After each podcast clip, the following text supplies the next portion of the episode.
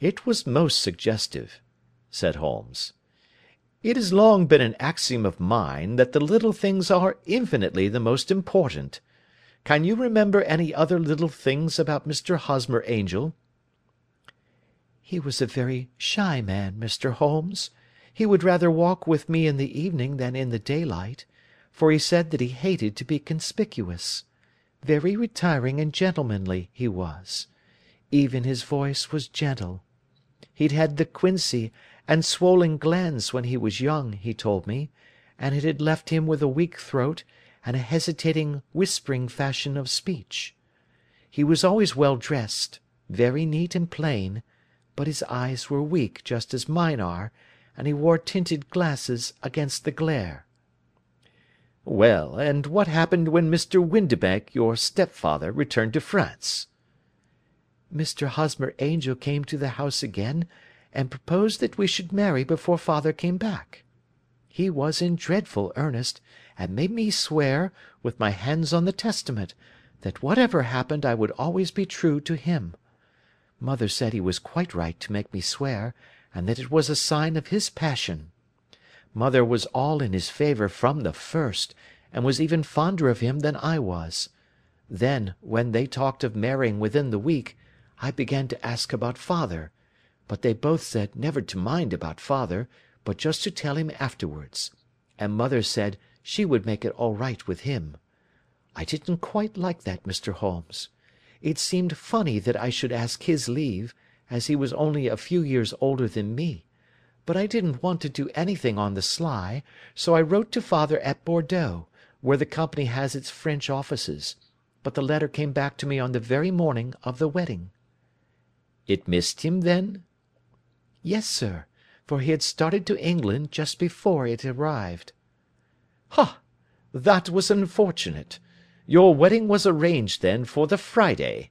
Was it to be in church?" "Yes, sir, but very quietly. It was to be at St. Saviour's, near King's Cross, and we were to have breakfast afterwards at the St. Pancras Hotel. Hosmer came for us in a hansom, but as there were two of us, he put us both into it and stepped himself into a four wheeler, which happened to be the only other cab in the street. We got to the church first and when the four wheeler drove up we waited for him to step out, but he never did, and when the cabman got down from the box and looked, there was no one there. The cabman said that he could not imagine what had become of him, for he had seen him get in with his own eyes. That was last Friday, Mr. Holmes, and I have neither seen nor heard anything since then to throw any light upon what has become of him. "It seems to me that you have been very shamefully treated," said Holmes. "Oh, no, sir. He was too good and kind to leave me so. Why, all the morning he was saying to me that, whatever happened, I was to be true, and that even if something quite unforeseen occurred to separate us, I was always to remember that I was pledged to him, and that he would claim his pledge sooner or later. It seemed strange talk for a wedding morning, but what has happened since gives a meaning to it." "Most certainly it does. Your own opinion is, then, that some unforeseen catastrophe has occurred to him?" "Yes, sir. I believe that he foresaw some danger, or else he would not have talked so; and then I think that what he foresaw happened." "But you have no notion as to what it could have been?" "None." "One more question. How did your mother take the matter?" "She was angry, and said that I was never to speak of the matter again." "And your father? Did you tell him?" "Yes, and he seemed to think, with me, that something had happened, should hear of Hosmer again. As he said, what interest could anyone have in bringing me to the doors of the church, and then leaving me? Now, if he had borrowed my money, or if he had married me and got my money settled on him, there might be some reason; but Hosmer was very independent about money, and never would look at a shilling of mine. And yet, what could have happened? And why could he not write? Oh, it drives me half mad to think of it, and I can't sleep a wink at night." She pulled a little handkerchief out of her muff, and began to sob heavily into it. "I shall glance into the case for you," said Holmes, rising, "and I have no doubt that we shall reach some definite result. Let the weight of the matter rest upon me now, and do not let your mind dwell upon it further. Above all, try to let Mr. Hosmer Angel vanish from your memory, as he has done from your life." "Then you don't think I'll see him again?" "I fear not." "Then what has happened to him?" "You will leave that question in my hands. I should like an accurate description of him, and any letters of his which you can spare." "I advertised for him in last Saturday's Chronicle," said she. "Here is the slip and here are four letters from him." "Thank you. And your address?" "Number 31 Lyon Place, Camberwell." "Mr. Angel's address you never had, I understand. Where is your father's place of business?" "He travels for Westhouse and Marbank, the great claret importers of Fenchurch Street." "Thank you. You have made your statement very clearly. You will leave the papers here, and remember the advice which I have given you. Let the whole incident be a sealed book, and do not allow it to affect your life." "You are very kind, Mr. Holmes, but I cannot do that. I shall be true to Hosmer. He shall find me ready when he comes back." For all the preposterous hat and the vacuous face, there was something noble in the simple faith of our visitor which compelled our respect.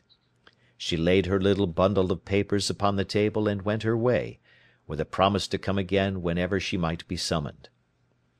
Sherlock Holmes sat silent for a few minutes with his finger tips still pressed together his legs stretched out in front of him, and his gaze directed upward to the ceiling.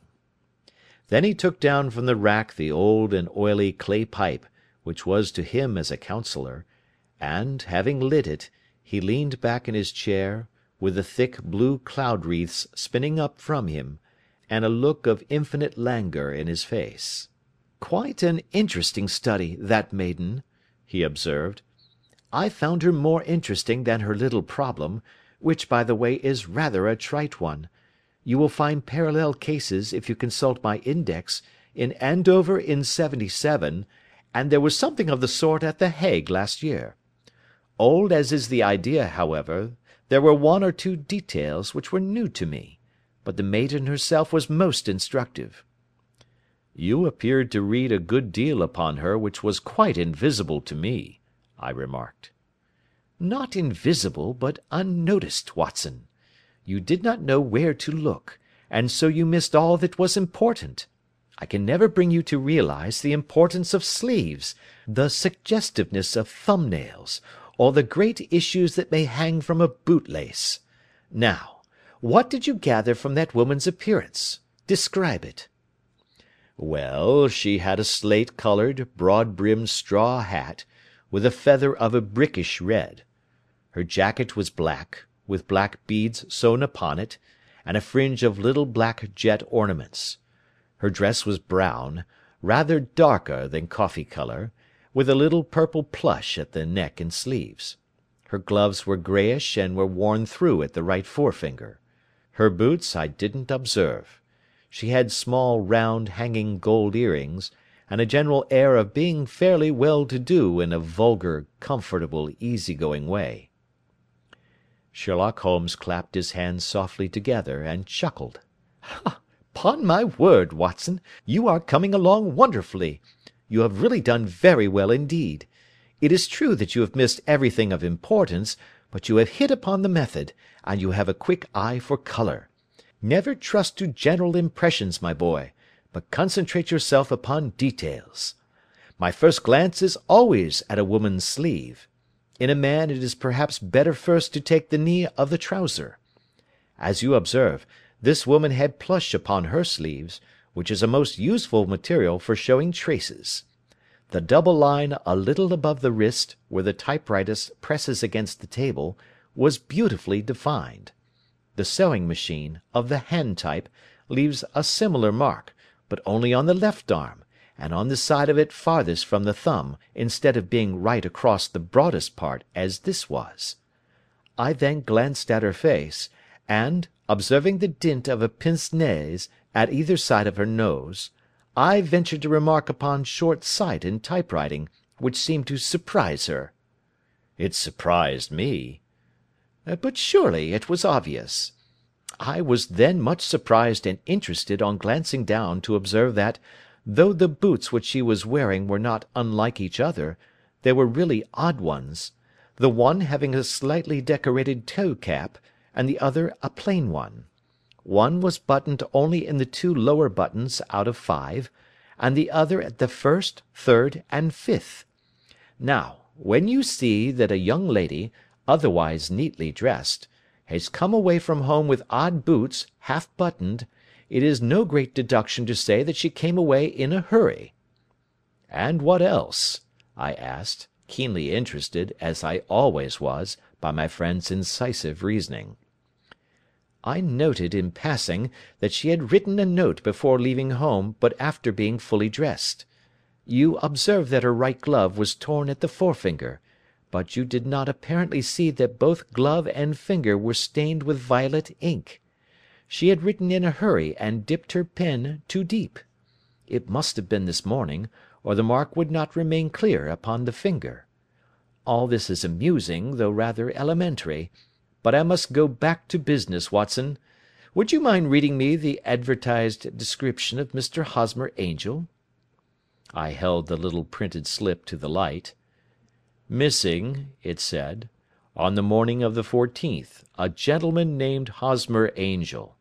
About five feet seven inches in height, strongly built, sallow complexion, black hair, a little bald in the centre, bushy, black side whiskers and moustache, tinted glasses, slight infirmity of speech. Was dressed when last seen in black frock coat faced with silk, black waistcoat gold Albert chain, and grey Harris tweed trousers, with brown gaiters over elastic sided boots.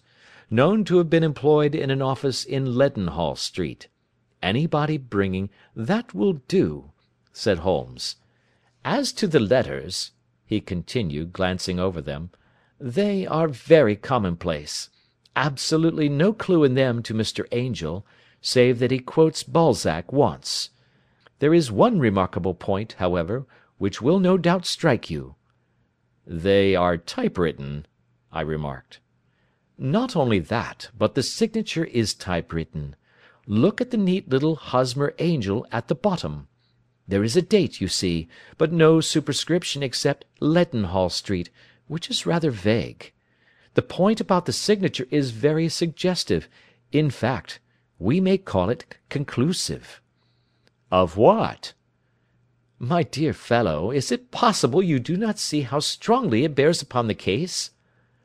"I cannot say that I do, unless it were that he wished to be able to deny his signature if an action for breach of promise were instituted." "No, that was not the point. However, I shall write two letters, which should settle the matter.